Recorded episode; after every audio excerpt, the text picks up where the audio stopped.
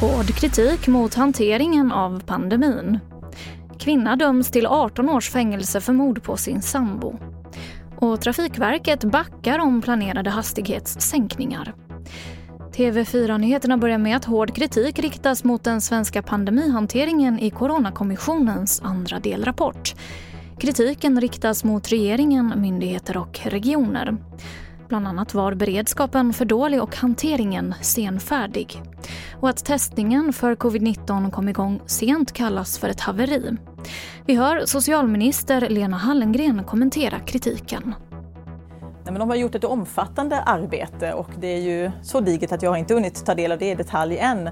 Eh, och de har ju framförallt beskrivit händelseförloppet och eh, eh, eh, men vi ska ta del av det och försöka lära för framtiden. Jag delar det kanske till vissa stycken när jag tar del av deras analyser men inte nödvändigtvis till, till allt.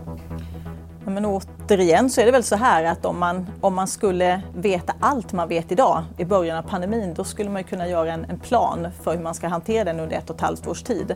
Men det är någonting annat att hantera en kris som hela tiden pågår där ingen vet vad som väntar nästa dag och runt hörnet. Och det där behöver vi förstås se till att vi kan rusta oss för bättre att lära av den här krisen eh, och se till att både lagstiftning och ansvarsfördelning är, är tydligt, vilket de också pekar på.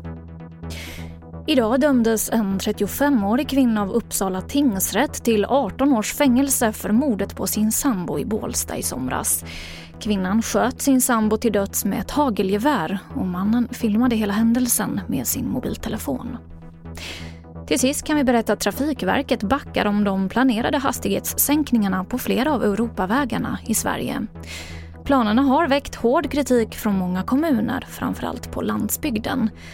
Trafikverket säger att man nu ska utvärdera om hastighetssänkningar är den bästa vägen framåt för att höja säkerheten. Och nytt beslut kommer nästa vår. Fler nyheter hittar du i vår app TV4 Nyheterna. I studion Emily Olsson.